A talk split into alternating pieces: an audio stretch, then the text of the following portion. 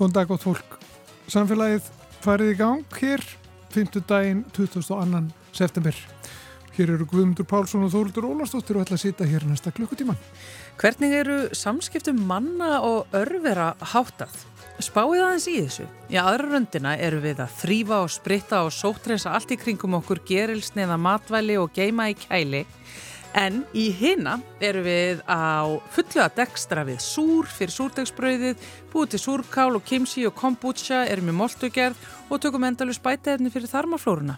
Hvað eru örfurur eiginlega fyrir okkur? Það er rannsókar efni sem þverfaglegur hópur úr ólíkum deildum háskólans hefur tekið þessir að kanna og við ætlum að forvetnast um það verkefni hér á eftir.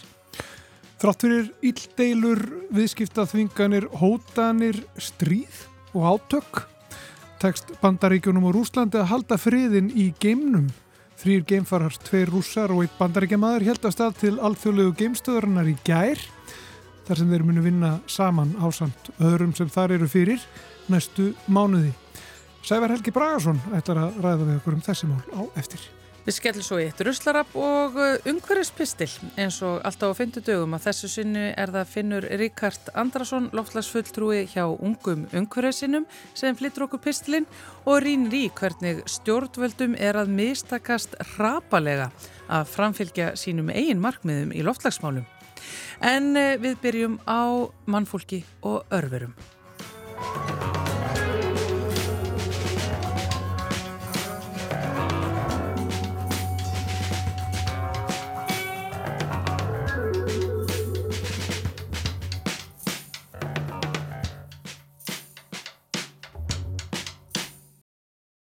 Við ætlum að fræðast um samlífi manna og örvera í daglega lífinu. Við erum nefnilega meira í samneiti við örverur en mörg grunnar. Allt þetta dekstur okkar mannfólksins til dæmis í kringum súrin fyrir brauðið. Allir að gera kombucha og kimsi og molta lífrænt og hvaðina. Sérfræðingar í Háskóla Íslands úr afar ólíkum deildum, þjóðfræði, mannfræði, örverufræði og næringarfræði eru sem sagt að rannsaka þetta samlífi okkar mannana og uh, örverana og stundar rannsóknir þessu tengdu. Og til að fræðast betur um þetta er hinga komin til mín hluti af uh, rannsóknarhóknum. Þetta eru Birna Guðrún Áspjörsdóttir sem er doktorsnemi í heilbriðsvísundum og Ági Guðni Karlsson, verkefnustjóri og doktorsnemi í þjóðfræði. Sælbæði tvö. Sæl. Sko, byrjum bara á þessu já, risastóra rannsóknarverkefni um örfurur og menn. Um, um hvað snýst þetta alls saman?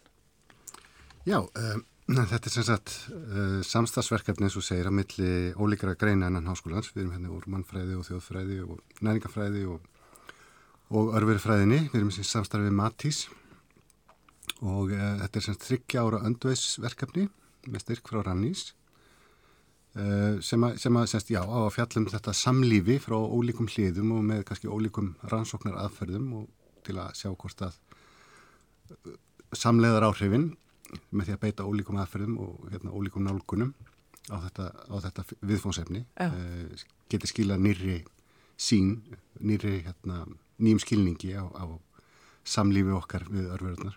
Sko ég bara skil ekki hvernig þessi svona rannsóknarspurning kom til að einhver hugsaði já, skoðum hvernig eh, örverur og fólk eiga í samskiptum. Já, sjá, já, já, sko það hefur verið mjög mikil vaksandi áhuga örverum bara almennt undanfarin svona undanfarnar tvo ára tíu og hluti til er það framfærir í raunvísindum. Það er bara semst, á, semst, rannsóknar Eh, tæki örverufræðinar hafa gert það verkum að við höfum átt okkur á miklu meira á örveru heiminum í kringum okkur. Mm. uh, svo er það að hérna, við í þjóðfræðinu við höfum verið að rannsaka heilengi eh, hefðbundnar matargerðar aðferðir og höfum verið í samstarfi við næringafræðina með það, þá höfum við verið að skoða skýrið til dæmis eða hérna, jógurtgerð og bara og einmitt súrdegsbakstur og annað. Og svo kemur það upp í COVID núna síðast að súrdegsbakstur verður svona óbúslegt tískufyrirbæri svona kannski svipað og prjónið varð í efnaðsruninu og, og við verandi þjóðfrænga þá stökkum við á þetta. Við sjáum þarna eitthvað í daglega lífinu sem er, sem er, hérna, sem er áhugavert. Þannig að fólk að grýpa í einhver hefð semst einhverju svona uh, svona matargerðar hefð uh, hérna, til þess að, til þess að hérna, já, bara lifa af og, og hérna og svona ná, hérna, ná að hérna stýtta sér stundir í þessu faraldri sem að, hérna, við gengum allir gegnum sem okkur fannst áhugavert einmitt að því að faraldurinn náttúrulega stafar af veiru og súrdegið er náttúrulega svona eins konar örveru súpa sem að hérna og þá við svona grípum í það okkur til hugunar og, og hérna og, og semst, já. Vá, þegar þú leggur þetta svona upp að þá er þetta náttúrulega bara eins og einhver skálsaga. Já, ég meina þetta, þetta sem svona var svona kveikjan að hjá okkur í þjóðfræðinni, sko, að við svona allt í henni bara gripum, já, þannig er eitthvað áhugavert að gerast og þannig er eitthvað spennandi sem við getum hugsanlega hérna, farið að rannsaka Já. og þá tölum við við okkar samstafólki í næringafræðinni og þá kemur ljósað að þær eru líka hérna skoða þetta, sett frá öðru, allt öðru hérna sjónarhóndni. Og það er einmitt hvaða sjónarhóndni byrjina? Hvað eru örverur fyrir ykkur? Örverur fyrir okkur, við erum náttúrulega mest að horfa á örverurnar innvortis, hvað er inn í okkur af örverum og á okkur. Og uh, við erum að skoða þarmaflóruna og áhrif hennar á heilsu. Og svona mitt verkefni og mi, mi, mín sérhæfing hefur verið bara til margra ára að, að skilja í rauninni hvað er við með af örfurum í meldingaveginum og sagt, hvaða áhrif hafa þær síðan á bæði bara meldingun okkar og svona uh, staðbundi í meldingaveginum en síðan líka bara hvað, hafa, hvað áhrif hafa þær á alla almenna heilsu. Og eins og ágísaði á þann þá náttúrulega tækninni fleitir mjög hratt fram þannig að á síðustu bara 20 árum þá höfum við í rauninni fengið svo miklu meiri upplýsingar og þá er svo miklu skemmtilega að halda áfram að skoða meira og setja hluti samingi þannig að hérna að okkur fannst auðvitað þegar að e, við heyrðum frá þeim og þeirra hugmynd þá langa okkur alveg svo sannarlega að vera með því að við pössum vel inn í þetta þessa hérna, inn í þetta verkefni með okkar áherslur. Þannig við erum allum og erum að gera þá rannsókn inn í þessu verkefni bara á fólki og mataræði og skoða þá þarmaflórunna og, og hérna helsufast þætti. Það er kannski ágætt byrjna og tæpir að þess á bara hlutverki örfira fyrir þarmanna okkar og, og allra okkar innri starfsemi og, og helsu. Já, það getur bara að tala hellan dag sko. en svona kannski að helsta, við erum með þessar örfirur í meldingaveginum, þar eru alveg frá bara munni og í gegn um þetta rör sem við erum með í gegnum okkur, frá munni alveg niður í endaþarm. Örverurnar í munninum eru mikilvægar því við erum náttúrulega kingjaðum, það er ákveðin örverflóra í munni sem fer þá nýri meldingavegin en svona uh, þumaputtareglan er að þú veist þeim fjölgar því neðar sem við förum í meldingavegin og við erum með flestar örverur í rislinum. Og örverurnar í rislinum eru gríðarlega mikilvægur upp á það að þegar við borðum trefjaríkt fæði sem við hefum að gera, gerum ekki nógu af allt græmiti ávistir, bönir, hnetur og fræ og allt slíkt, inni heldur trefjar og það eru örverurnar þá þessi þarmaflóra sem er í rislinum sem í rauninni meldir þessar trefjar. Trefjarnar frásugast að mjög litlu leiti og mestaðin fer bara í gegnummeldingavegin og út og það er svona hluti af því að við höfum svona bara heilbrið og goða meldingu og hægðir og allt þetta. Þannig að með, þessar örfuru sem er í þörmunum að það er sérsagt gerja þessar trefjar. Það er borða þær og það er bara parti fyrir þær og það er sérsagt gerja þær og þegar þær gerja þessar trefjar þá fáum við afurðir frá örfurunum þannig að við þurfum ekki bara að hugsa um örfurutnar okkar og við eigum að hugsa vel um þær en við þurfum líka að hugsa um að rækta upp þessar góðu því við erum með góðar og, eða svona hagstæðar og óhagstæðar örfurur í meldingaveginu sem allir hafa. En ef við erum að borða mjög treferikt fæði og svona þokkala holdt fæði þá ræktum við upp þessar góðu, þessar hagstæðu og þá, ekki nómið það, þær ger okkur gagn með sinni vinnu en þær gef okkur líka afurðir sem heita til dæmi stuttar fytusýrur og þær, þessar afurðir eru síðan gríðlega mikilvægar fyrir efnaskiptin okkar, blóðsíkur, blóðfyttu, eh, andlega helsu, þær verja meldingavegin okkar, þær eh, rannsóknir sína að koma í veg fyrir til dæmis eða dragur líkum að við fáum bara ristilkarapa meginn. Þannig að það er rosalega mikilvægt að bara rækta þennan örveru búskap í þörmunum. Þetta eru svona, ég segja oft sko, kona sem er þunguð og er að hugsa um að borða vel að því hún er að fara að eigna spann. Við erum bara öll að hugsa þannig. Við erum með lífuríki innvorti sem við þurfum að hugað. Við erum að borða fyrir okkur og örverunar. Þú ert þarna einmitt að lýsa því hvað örverunar eru gríðarlega mikilvægar fyrir okkar heilsu. Ákið sé að nálgast þetta einmitt út frá bara svona nánast tísku fyrirbærinu mm -hmm. sem að er að vera með örverur og ræktaður og dunda sér við þær og, og, og nánast bara koma fram við örverur eins og gæludýrin sín. Mm -hmm. Þannig að sko ég fatta núna hvernig þið getur komið saman svona þverrfaglega í þessa rannsókn en ég velti fyrir mér hverju skilar hún svo? Hvað segir hún okkur? Hvað getur við lært af henni? Sko varandi minn þátt eða þann sem ég tek þátt í, náttúrulega ekki einn, en, en þann, þann þátt sem að ég, hérna, e, e, okkar rannsókn á sagt, fólki og meldingaveginum og örfurflórun og allt þetta, þá eru við, e, við erum að skipta fólki í þrjá hópa, þannig við erum að bera saman, þannig að niðurstöðuna munur segja okkur er einhver munur, verður einhver munur og þá hver verður munurinn. Þannig að rannsóknin okkar snýra því að skipta fólki í hóp sem að mun þá borða meira af gerjuðu fæði, auka neyslu af gerjuðu fæði og síðan erum annan hóp sem að fær þá sérst fæðbótarefni sem er líka gerjað, það er þá sérst þurku brottmjölk og sem inni heldur þá gerla líka og þriði hópurinn er svo þessi klassíski viðmöðunarhópur sem gerir ekki neitt, breytir engu en er skiptið mestumóli því að án hans þá fengjum enga niðurstöður því við þurfum að hafa hann til að bera saman. Og hérna þannig að þessir þrýr hópar í rauninni eftir að segja okkur hvað gerist þegar þú markvist ferða auka neyslu og gerjum afurðum eða ferða takin ákveði fæðbútarefni sem er inni heldur eitthvað gerjað eða þá gerir ekki neitt. Þá sjáum við í rauninni bara munin svart og hvítu. Við tökum blóðpröfur, við tökum sörpröfur, tökum þápröfur og lesum út úr þessu. Og tökum miðtöl, sem er og, það sem við já, gerum. Já, og síðan er þeirra að já, tala við fólkið. Já, og tala við fólk og, og sjá hvað það finnst, hvernig þau upplifa þetta, hvaða sín þau hafa á þetta sem þau eru að gera og þessar örverur, hérna hefur fólk yfir höfuð einhverja hugmyndum þar. Um, það, fólk svona, já, það er ímislega sem bendir til þess að við svona kannski svona, já, búum okkur til sérstakar hugmyndir um örverur, mm -hmm. hugsaum ekki endilega um þar sem örverur, heldur sem eitthvað annað og hérna, þannig að, já, þannig að við komum þarna inn með okkar aðferðir inn í þessa rannsókn og, og hérna, og, og vonandi mun það skila einhvern veginn nýri sín á þetta. Þetta hljóma náttúrulega mjög, mjög aðteglisvert, sko, veist að því að maður hugsa bara hvaða er einhvern veginn frábært að við höfum alltaf þennan mikla áhuga á örfurum og gerum hann einmitt að einhverju viðfangi og tísku. Hvort að það sé einmitt bara kannski líka með nokkar að kalla á þar að bara viðhalda örfuruflórinu innan í sér að planta í okkur áhugamálinu mannsjúriusveppurinn eða, eða kombucha gerð eða allt þetta hvort þetta sé sko hvernig þetta ytra og innri líf okkar tengist á svona hátt Svo, svo stór skemmtild þessu sko við svona meira í raunvísindunum erum, erum að mæla og horfa á þessar sko þú veist þessi síni og rosalega upptíkin að því yeah. svo finnst okkur svo frábært þú veist já taka viðtöl já gegn gegja, þú veist, og setja þetta saman. Þetta verður miklu starra og skemmtilegra.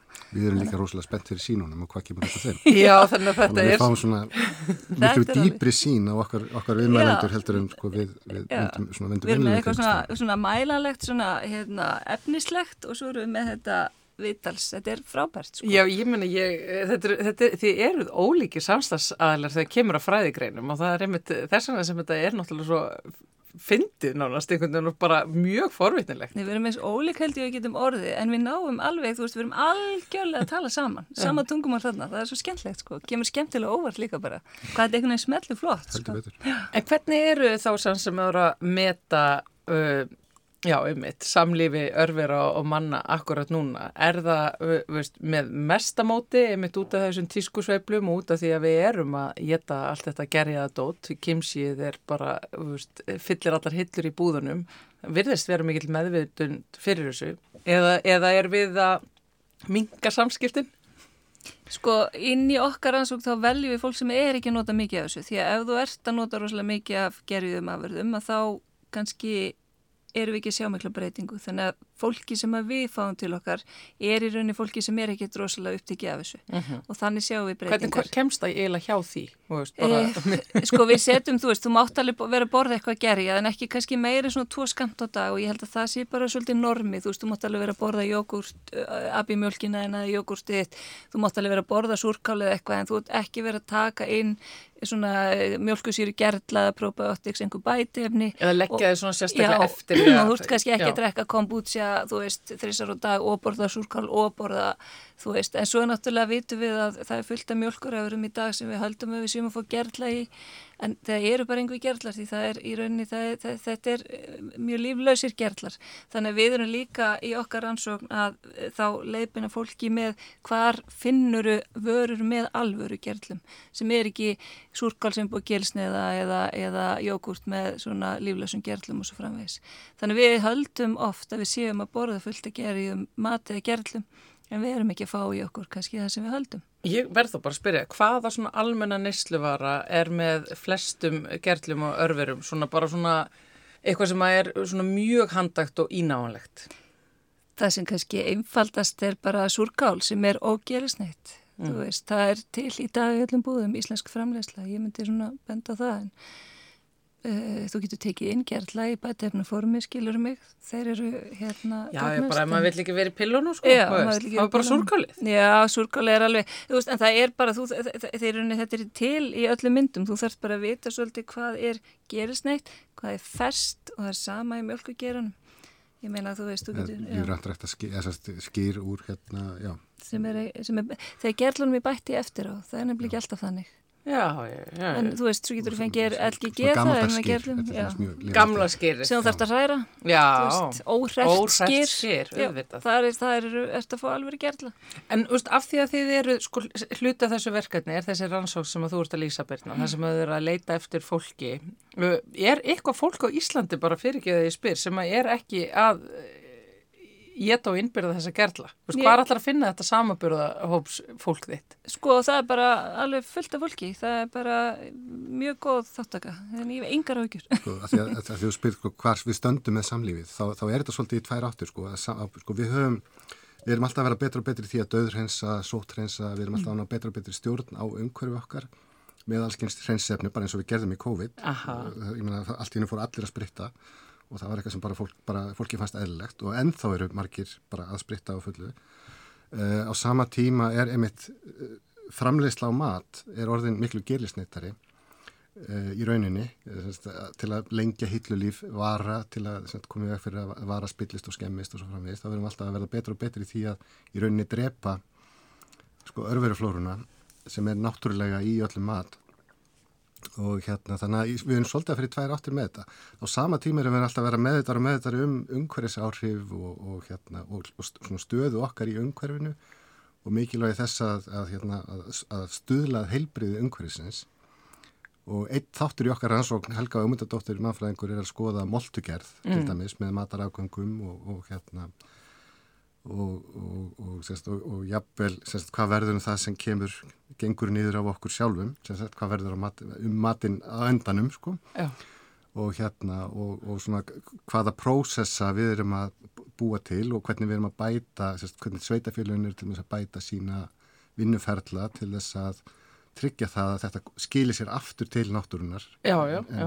en sé ekki bara dælt út í sjó og, verið þar mengun eða eitthvað svo liðis þannig að hérna, já, þannig að það, það, við erum svona að fara í tvær áttir með það, jú, það er vissulega miklu, miklu meiri meðvitund um örfurutnar og mikilvægi þeirra og, og semst, sérstaklega fyrir umhverfið og fyrir okkur og fyrir okkar helsu. Á hinbóin erum við líka semst, að alltaf að vera betra og betri í að útrýma þeim, sko. Já, þannig að við erum einmitt að losa okkur við þar en á sama tíma líka að rækta þeir í einhverju svona skemmtilegum eldústilruna verkefnum. Það er svolítið svona almenna stefnan er þessi döðrhensun eða þessi svona, já, að þú veist að þarf alltaf að vera svo klín, hvort sem við erum að borða það eða umhverfið. En svo er þessi meðvutund hjá ákveðnum meðstaklingum og hún er að vakna, eins og segir. Þú veist, það er mjög mikil vakning þarna um mikilvægi þessara örfera. Þannig að þá er ákveðin hópur fólki sem er virkilega að leggja sér fram um að bæta þessu inn.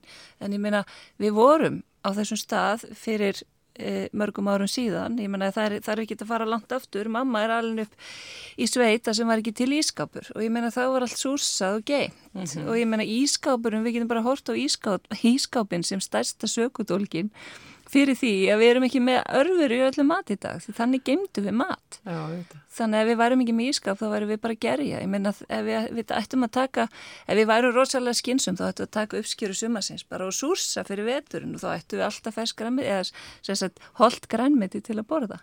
Já. en í dag erum við að flytja þetta bara yfir hálfan heiminn og fljúa þessu milli og, og hérna borða eitthvað sem að kannski er ekki eins og nú rokkar umhverfi og ég spyr mig hvort að það sé líka skynsalegt sko hitt er miklu svona réttara. Já. Hmm. Það eru svo margar hliðar á þessi risastóra verkefni og öllu rannsóknunum sem eru unnar innan þess sem verður forvitnilegt að heyra um eins og ég segi, bæði varðandi bara hérna það hvað kemur út úr rannsóknunum hjá ykkur, hmm. mælingunum úr hérna því sem að gengur niður á fólki sem að þið eru að rannsóka, rannsaka hmm. hvaða áhrif örfyrirurnar hafa á þær. En líka náttúrulega samantæktin hjá ykkur þjóðfræðingunum tísku fyrirbreyðið hérna örveru ræktun, örveru gælutýr nútímans á sama tíma og við erum líka einhvern veginn í miklu stríði gegn örverunum. Þetta er alveg mikið káos einhvern veginn þarna til þess að greina. Ég bara hlaka mjög mikið til að, að fá samantækt úr þessu forveitnilega verkefni þegar að því kemur og það var hins vegar mjög gaman að kíkja þessi inn í þetta og gangi ykkur sem allra best með þetta þar til bara næst að þeir komi til okkar hérna í samfélagið. Birna Guðrún Áspjörsdóttir, doktorsnefni í Hilburísvísitum og Áki Guðni Karlsson sem er verkefni stjóri þessa verkefnis og doktorsnefni í Þjóðfræði. Takk, Takk fyrir.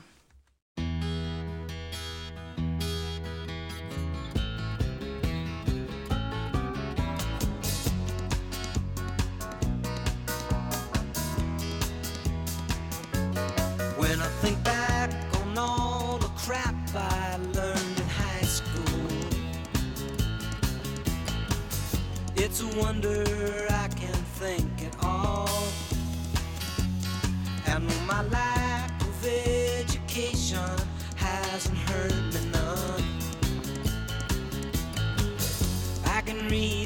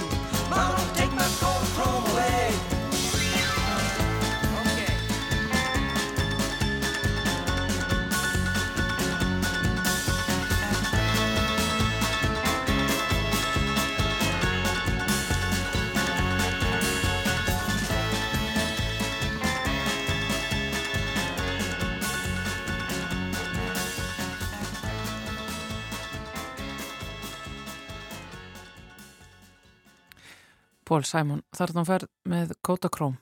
En út í geim? Þrátt fyrir deilur og uh, stríð þá uh, er ákveðið samstarf milli rússa og bandarækjamanna sem að uh, hefur haldið sér og það er samstarf um rannsóknir í geimnum og það starf sem fer fram í alþjóðlegu geimstöðinni og núna uh, í gær þá fóru þrýr geimfarar til alþjóðlegu geimstöðarinnar, tveir rúsneskir og einn bandarískur og við erum komin í samband við Sævar Helga Bragason sem, já, þarnast ekki frekari kynninga við þekkir þessi mál náttúrulega mjög vel, kontur sæl Komdu vel. hafa þessar deilur uh, og um, já, viðskiptaþvinganir, erfið samskipti þessara ríkja, bandaríkjana og, og rússa. Hefur þetta ekki áhrif á, á þetta samstarf?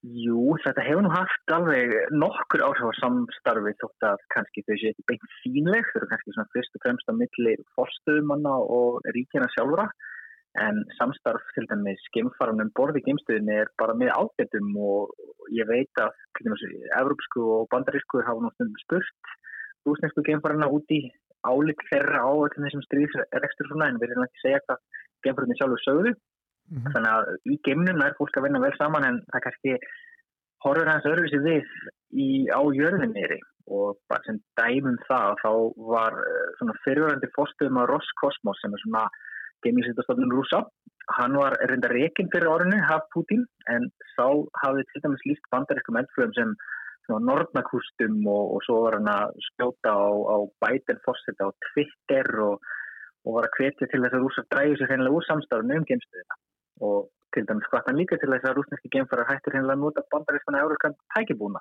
bara út af viðskiptaþvingunum ríkina við rúsa þannig að þetta er búið að leta aðeins uh, samstarfið en allavega ekkert svona þannig að geimstöðin sé hættu er eitt svoleið sem betur fer.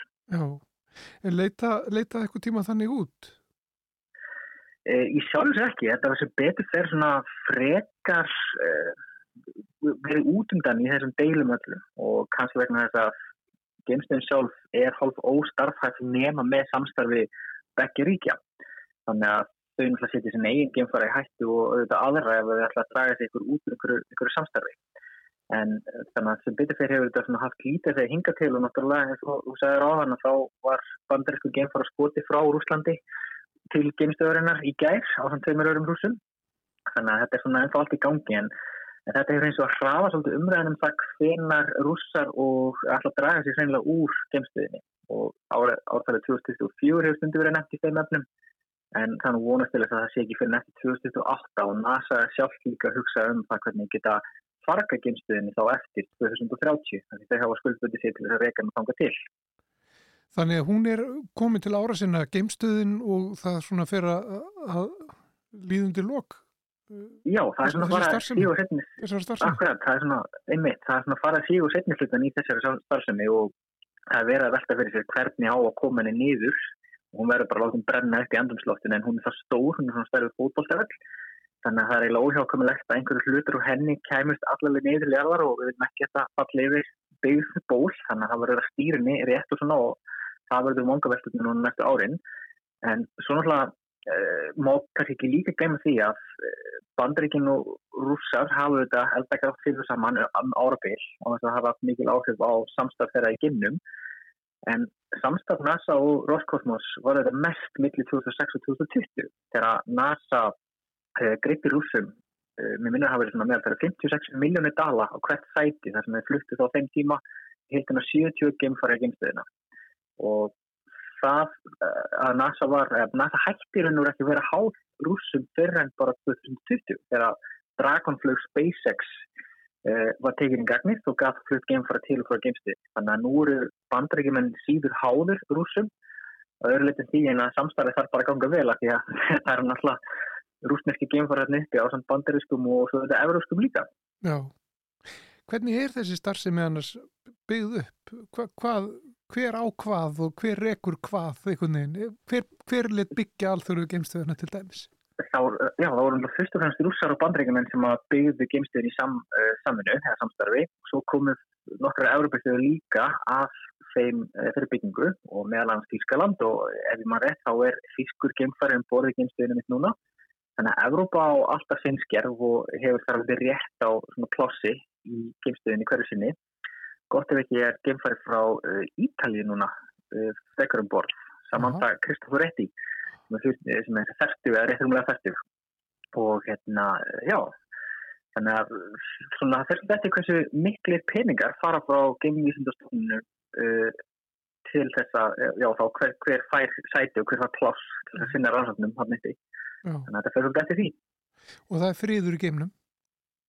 Það er mjög friðsamlegt í geimnum og sem betur fer og það er, er áhagverð við til sem að ég hef lesið við geimfarna sem voru hérna uppi og meðan að þegar stríði var að hefjast fyrra árinu og þá lístuðu því að þeir, þeir voru að fljúa yfir Úkrænu og þá gáttu séð sérstaklega næturnar e, blossa hér og þar neyru þar sem þeir voru alltaf bara að horfa á verið að drepa fólk mm -hmm. í, og bara með bestu útsinni heimi yfir það allar þessi litlu blossa sem það er verið að varpa sprengjum hinga á þangaf þannig að þetta er óslátt dapurlegt en geimstöðinu líka ótrúlega fallegur veitnisspurður um friðsamlega starfs, eh, samstarfríkja og vonandi helst það bara áfram af því að hérna, það eru þetta best að við getum tala saman og svo hafa líka geimfararni sjálfur listi hvernig hugur þeirra hefur vikað við það að fá að kynnast geimfurum sem hafa kannski verið mánuðum saman og, og eru bara orðin þeirra bestu vinnir við erum öll, öll bara segja mikið eins Einmitt. Eh, hvað verður þá, hvað gerist svo? Eh, fyrst að það að fara að taka hana úr nótkunn þess að alþjóðlu geimstöð Kem, kemur ný geimstöð? Það eru svona ímsar vangaveltur upp og einu náttúrulega tengist Artemis flög NASA þar sem að hugmyndir eru upp um að reysa geimstöð ekki bara á bröðum jörðina heldur líka á bröðum tunglið og kynverjar eru náttúrulega með sína geimstöð líka og svo eru uh, svona stóri draumar um einhvers konar svona game hotel fyrir túrista sem er leiðis að bröðum jörðina innan ekkert alltaf margar ára og þá er það fyrst og fremst SpaceX og Blue Origin fyrirtæki Jeff Bezos sem henni komað til að ferja ríka túrist á þangu upp. Þannig að svona eitt og annað í bíkerf eh, fátt í hendi eins eins og staðinu núna mm -hmm. en við munum örgulega sjá alþjóðlega geinstöðuna starfandi eitthvað rétt yfir 2030 þannig að hún er sendið niður aftur og þá hefur eflust skýrst betur hver, hvernig framtíðin liggur en eins og sækist um það núna þá verðast plönin fyrst og síðast núastum tunglið og svo aftur vonandi eitthvað lengra þá þá horfum við þetta sérstaklega til mars. Já. Það gekk ekki vel að skjóta Artemis Nei, á, á stað? Akkurat, það gekk ekki mjög vel, hún er ekki alltaf voruð loft en í dag þá bara var verið að uh, dæla eldsneiti inn á hann alltaf sem reyna að gera við þennan vettnisleka sem að uh, var að uh, koma vekk fyrir að geinskuti færi fram. Þannig að nú er vonastilega að geinskuti færi fram bara eftir 5 daga, 27. september, það er svona nýjasta dagsetningi sem hefur heilt En svo má heldur ekki glemja því að þegar við erum að prófa nýja eldflögi fyrsta sinn sem eru aldrei tekist á loft þá þarf að gæta þess að allt sé í fullkominu lægi svo hún bara henni að springi ekki á skuttpallinum. Mm -hmm. Það er hann að segja um gæst og, og henni fyrir fræðast að saga uh, Apollo kapplöpsins á sínum tíma þegar að rússar voru með uh, sína eldflögi á, á skuttpallinum sem var svona þeirra tungflög þá hafðu þeir ekki tökka því að prófana eins mikið og, og þeir myndi og það gerist eins og að hún kveldsprakk á skotpallinu og gjur eiðilega skotpallin sem frestaði öllum frekari æfintýrum rúsa í, í hérna, geimkaplumunum bara nokkur ár. Þannig að við viljum alls ekki slíkt gerist en það er þetta sprengja sem er þannig á skotpallunum mm. með eitt smáið magna elsnöndi sem það var, má ekki leika út og við þekktum það alveg hvað gerist þegar Challenger sprakk að þá einmitt var leiki úr elsnöndistáki líka sem var til þess að flögin sprakk þannig að það má ekki gerast. Nei. Og þetta er tilröuna skot, ekki satt? Já, Akkurat, þetta er tilhörna sko, það er engin mennum borð sem betur fyrr en svona ef þetta lukkast þá sjáum við kannski fram á fyrstu munu gemferðinar eftir 1-2 ári eitthvað svo leir. Það fyrir bara eftir hversu vel og já, hversu velhæfnið þessu próf verða. Já. Þannig að þetta er, já, alveg spennandi tíma á framöndan en, en sömulegs alveg líka til þess að gaggruna hvert peningarnir fara því þeir eru takmarkaðir og, mm og það er ekki allir þáttir við það að vera að eða svona miklum fjármunum í nýtungsföru eða eitthvað þess að það sko, þannig að það er margt í þessu. Já, af hverju er tunglið svona mikilvægt? Af hverju, af hverju á að eða í mitt öllum þessum peningum og, og orgu og díma og, í það? Já, það er, akkurat, það fyrir svolítið eftir hvernig þú spyrð. Eh, Artemis er arfleð frá gemferju ævintýri NASA og bandaríkina á sínum tíma uppalega planið með geimferðinu var að skjóta geimferðinu og lofthelst bara vikulega og svo reyndist það miklu erfæra teknilega sér, miklu dýrara og geimferðin reyndist sem við leiðist bara frekar mikið gallagripur. Og þegar að hægt var að smíða eldflöðuna fyrir geimferðina þá horfðu ríki, ákveðin ríki bandaríkjum þar sem NASA hefur haft svona miðstöðar upp á það að missa starffólk þaðan. Og þingmenni bandaríkjum er ekkert sérstaklega ánæra að vita það að þeirra eigið fólk þar mögulega fyrir eitthvað annar. Þannig að Artemis er pínleiti svona pólitíst verkefni þar sem við erum ekkert endilega að finna upp eitthvað nýtt og spennandi heldur byggja á gamalli, uh, gamalli tækni og fara aftur í einhver svona stórar uh, stór markmi sem að vola fáir í sjálfur sér hafa áhuga á, satt best að segja. Þannig að þetta er svona þetta finnir svona glorified atvinnubóta vinna, svo maður segja, fyrir uh, alla þá miklu þekkingu sem alltaf er ennþá til staðar í þeim ríkjum þar sem NASA er með mistöld. Og þetta hefur verið gagast mikið vegna þess að það eru miklu, miklu peningar sem farið og allt sem að geimfara ætti að gera einmitt á tunglinu væri alveg hægt að gera í dag með róbótum fyrir miklu minni tilkostnaðin. Það eru ekki svona inspirerandi eins og að sjá fyrstu konuna ganga á tungli, fyrsta mann af öðrum kynþætti enn kvítum lappa á tunglinu og svo framvegis. Þannig að það er svolítið það sem er markmiðið. Já. Um, já. Já, þetta er, þetta er semst í gangi, það eru tilruna, tilruna skot sem eru áallu núna bara á næstunni eh, eftir þessar Já. frestanir, það er Artemis og tunglið, Já. Uh, að því hún minnist á sko uh, kaplöp, geimferða kaplöpið sem var hér fyrir nokkrum áratugum síðan. Núna Já. höfum við hort á meira svona samstarf en við höfum mm -hmm. líka hort á fleiri uh, sem er að gera sig gildandi, er það ekki í geimferðin? Þú nefndi kýmverja á hann, svo er Evrósk stofnun. Já, akkurat. ESA er náttúrulega okkar svona kannski stofnun sem við, eða samtök, já, ríkið samstarf sem við myndum leita til ef við vildum taka þátt í svona verkefnum og þá getur náttúrulega ganga til þessu ESA sem var reynda mikill akkur fyrir Ísland, Ísland að gera því að það kemur svo mikið að tekniverknum í staðin og svona. En reynda maður kannski skjóta inn í að það er búið að fresta einu, einu geimferð út af árásunni á Úgrænu og það eru e, núna í september átti að skjóta á loft Mars, ExoMars 2022 eppanum sem er európskur. Eppi sem heitir Rosamund Franklin átti að leita lífi á Mars en út af uh, stríðinu þá þurft að sigga þeim leiðangri um kannski tvö ár, vonandi ekki mikið lengur og það er vegna þess að þetta var samstagsverkefni ESA og Roskosmos að drúsa og þannig að þá þátt að skjóta í ekkurum og loft með rúsneskri eldflug en það var ekki hægt út af stríðinu. En jú, uh, Evrópa er nú heldur betur að vinna með NASA til dæmis í þróun á Artemis þjónustu fari sem er það sem heldur skeimbjörnum á lífi þegar þeir eru inn í keirulaga geimfrönu sínu, það er Evrópst og þetta, framlag Evrópu þá til Artemis verkefni síns. Svo eru indverðir að gera þessi gildandi líka og ekki bara indverðir, þetta er náttúrulega kínverðar sem við töluðum um og þau eru með mjög metnættu til verkefnin bæði uh, ómönnuð og mönnuð mannaða geimfröðir, bæði til tungsins og svo eitthvað lengra og svo sem við lesa að kanna reykistjórnum solgjörðusins og svo eru uh, nýr leik, leikmaður á spil á sviðinu sem eru uh, saminniða arabísku fyrststæði Það má eiginlega reykja til þess að þau vita sem er að ólja er ekki framtíðin og þau eru að byggja upp svona stekkingar yðnaf hjá sér. Og eitt af því er að laða til sín ungd fólk sérstaklega með það að byggja upp einhvers konar svona game yðnaf hjá sér. Og eitt dæmið um það er, er Hope gamefarið sem var sendt til Mars núna fyrir einhverjum e, tveimur árum síðan ef mann rétt.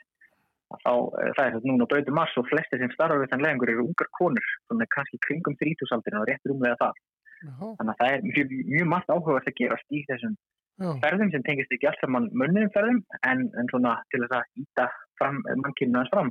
Já, hóp geimfarið, þú segir það það er ekki hóp geimfar það er ekki, það er ekki hópar sem að farið þetta geimfar Nei, nei, akkurat, akkurat þetta er von, já, von sem er þá saman að sko fyrstu dæmin Já, mitt og, og eru mikil plön hjá þeim þá um, um frekari geimnarsóknir, veistu það? Já, það eru alveg frekar metnað fyrir markmið en það er rosalega erfitt að finna út akkurat hvernig eh, hvað þau higgjast fyrir mm -hmm. þannig að það er svona það er búið að draga upp svona hvað við segja eh, ferði sem nú eftir stundum sem um tunglið uh, og þá að senda jæppa til tunglins sem heitir Rashid eftir uh, föður Shakesins sem var hérna í Dubai, mm. ja, nútíma var í Dubai. Svo ætlar þessi gamestofnun uh, saman að arbeidsku fyrstendamennu líka að gera sér gildandi í game tourisma og skjóta uh, mögulega að gera svona einhvers, einhvers svona frá fyrstendamennu. Þannig að þegar við skotið á loft í einhvers konar hótel sem eru á bröti mjörðin en það eru svo sem ekki komna neina svona dagsýtningar eða, eða ártöl fyrir það hvernig það á að gerast. Mm. Þannig að þetta er svona það sem er í gangi núna minnstu kosti og svo bara að reyna að laga til sín uh, vinnuafl þar að segja uh, vel menta fólk til að smíða gerfutungl og eitthvað slikt fyrir aðra. Já. Þú, nefndi líka á þannig með uh, game turisma. Já. Og, uh, bara kannski örstuðt bara um það, er þetta raunhæft og er þetta handa við hotnið að, að fólk geti látið skjóta svo út í geimin og, og er það gott? Hva, hvað sé þú um það? Er, er þetta, það er þetta góð þróun? Ég myndi segja, jú, já, nei og þetta er náttúrulega áhugavert og ég get ekki ímyndað með meira ferðalega heldur en að fara á bröðnjörðina og fá að njóta útsýningum þar og leggja sér í þingdalesi en þetta eru það dýra ferðir og þetta er fyrst og fremst fyrir uh, fólki sem er lang, lang, lang mest efnað í heiminum. Og það er ekkert endilega svo mikið frábært vegna að mjög tíðar ferðir út í gemin býður líka talsveit mengun af, af því að skjóta það mjög oft og við veitum líka sem er að fólki sem er ríkast af fólki heimi hefur lang, lang, lang stærsta koluminspórið þannig að það er spurningum bara síðferðilega hlutan við einmitt svona uh, túristaferðir eins og sækist um það núna en eins og ég segja þá er það náttúrulega afskaplega spennandi líka mm. ja. þetta er svona, maður, maður er svona báðum áttum og, og SpaceX og Blue Origin og meina Blue Origin til dæmis með, sem er fyrirtækið Jeff Bezos, hann eru þetta að efna skrýðala því að borga vinjafli sínum frekar lág laun og uh, svíkja það um hérna ákveðin réttind og svo framvegis en lóta síðan ákveðan í það að reyna að uh, íta áfram sínum einn metnaði í kynförum þannig að hvernig það fer eftir bara svolítið hvernig hvað augum var hálfur á það mm. ég personlega er ekkert rosalega hrifin að öllu þessu tóti sem að bæði SpaceX og, og Blue Origin að gera sérstaklega með SpaceX sem er að byggja upp þetta gerðunhætta net við Starlink. Mm -hmm. þá erum við að horfa fram á mörg þúsund gerðutumla bröyti mjörðina sem bæði trubla rannsóknir stjartmyndsyndamanna það er að verður dýrar að, að hérna, þurka öll allar rákirnar frá gerðutumlum út af myndum og gögnum. Og sömulegis að það er að breyta ásum teiminsins og þetta þegar það að sjást frá Íslandi og fólk fara að senda mér einmitt skeitin hvað í ósköpunum það er að sjá sem lítur sem úti sem einhvern svona lest á heimlunum af gerfutumrum sem er þá þessi Starlink, bara við hluti af þessum Starlink-kópi sem er að fara aðnett Já, og er þetta bara í gangi og, og mun þetta halda áfram? Já, það er SpaceX er að skjóta á loftinu náttu vikulega nýjum uh, svona gerfutumrum og þá nokkrum tögum í senn Mm -hmm. og ég er eitthvað fagnað mjög um daginn sko, þá hérna fyrir ekkert svo lengur síðan þá var sprenging á sólinni og eh, stormur í gefnum bókstallega og stormurinn sló út nokkur gerðutum þannig að það voru held ég 40-50 stykki sem fjall til jarða, það brunni upp í andumsloftinu bara degi eftir að þeim að skotu á loft. Oh. það var hérna kannski fáið sem kættist yfir tíin en við hérna sem viljum frekar ómengaðin heiminn uh, glötumst mjög Það er nefnilega en svo við lokum hringnum við erum búin að fara hér eh, um víðum öll Sæfarhelgi Við byrjum Já. að tala um bandarísko og rúsneska geimfara sem eru núna á leiðinni, er það ekki til alþjóðlegu geimstöðurinnar? Hvenar bankaður á deinnar í alþjóðlegu geimstöðurinnar, uh, veistu það? Er það ekki bara að fara að gera núna bara akkurat á uh, næstu, nú bara manni ekki nákvæmlega hvernig það er að koma. Er það kannski bara, þetta tekur svo mis, uh, ég held því að þeir eru bara gott ekki komnir Já. á staðin. Já. Þannig að hérna Já, það eru er mjög mislengi. Stundum taka ferðarleginn kannski eitt sólarhinga rétt um það en stundum bara örfáar klukkustundir. En ég var að mynda að fletta þessu upp hérna og þeir tengdust í gæðir klukkan 6 minnir fyrir 5 uh, við geimstöðuna, þannig að þeir eru mættir. Og þeir eru mættir. Yes. Og allt í sátt og samniti. Og allt í sátt og samniti. Allt í sátt og samniti. Allir, allir káttir og njótt útsýnsins og svona. Já. Eh, Sævar Helgi Bragarsson, gaman að tala við þig og, um, og bara njóttu dagsins, heyrú síðar. Takk. Kærlega fyrir það. Bless, bless.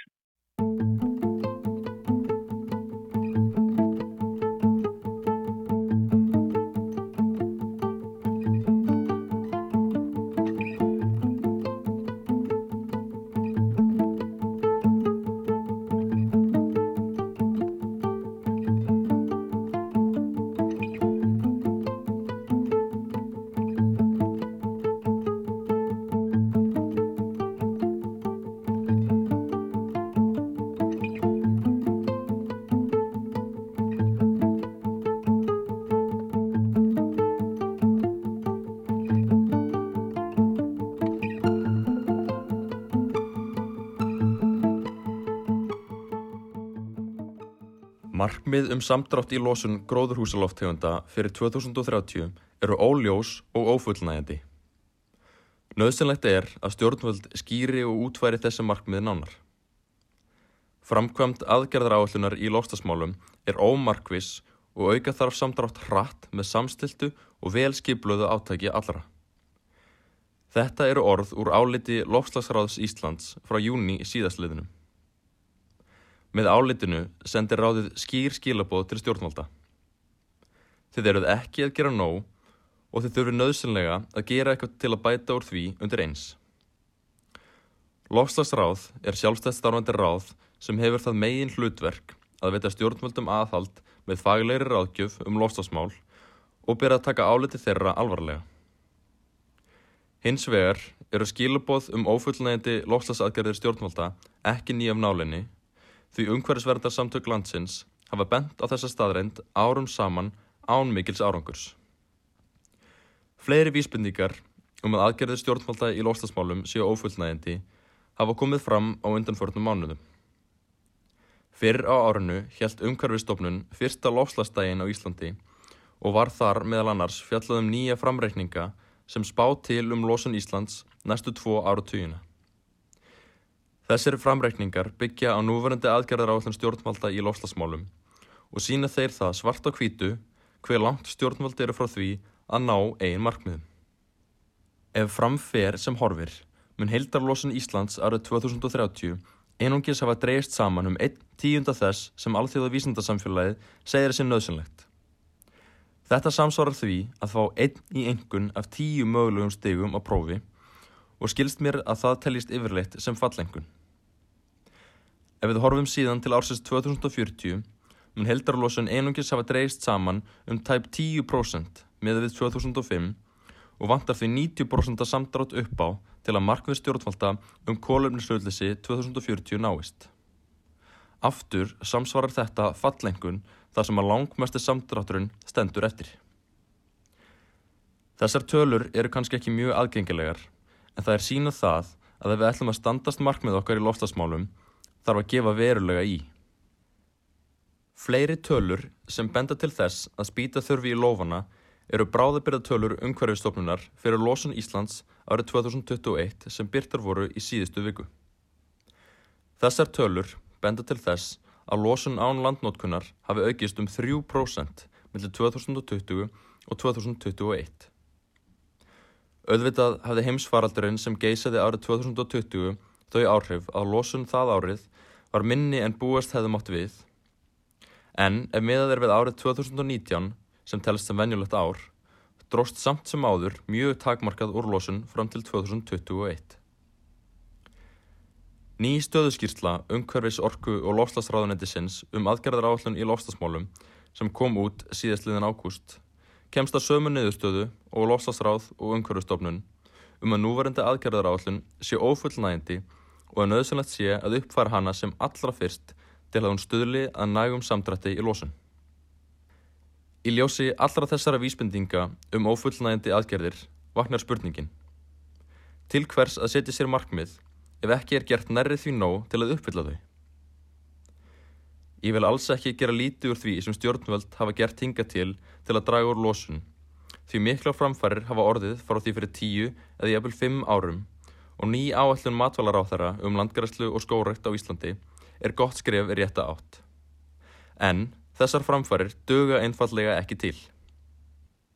Eins og lofslagsráð tekur fram síðar í áleti sínu sem ég myndist á í uppafi pistils Þar var ráðast í kerfislægar breytingar og verða stjórnvöld að skapa umgjörð sem stöðlar að jákvæðum breytingum með markvissri stefnumótun án tafar. Það eru tæp átjón ár til stefnu.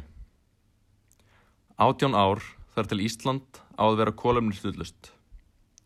Átjón ár þar til heldarlósun Íslands má ekki nema meiru en svo binding sem á sér stað í landinu. Átjón ár. Þetta er ekki langur tími. Það þarf mikið ímyndunarrafl til að ímynda sér hvernig þessi nálega framtíð mun líta út og hvernig við ætlum að komast ángað. Einnig þurfum við að nýta ímyndunarraflið og skapandi hugsun okkar í auknum mæli til að ná meiri árangri í lóstafsmálum. Nýsköpun er fyrirbæri sem er oft talað um að þurfi að ebla til að leysa lofslagsvandan og það er alveg rétt því upp að vissu marki þurfum við á nýri tekni að halda.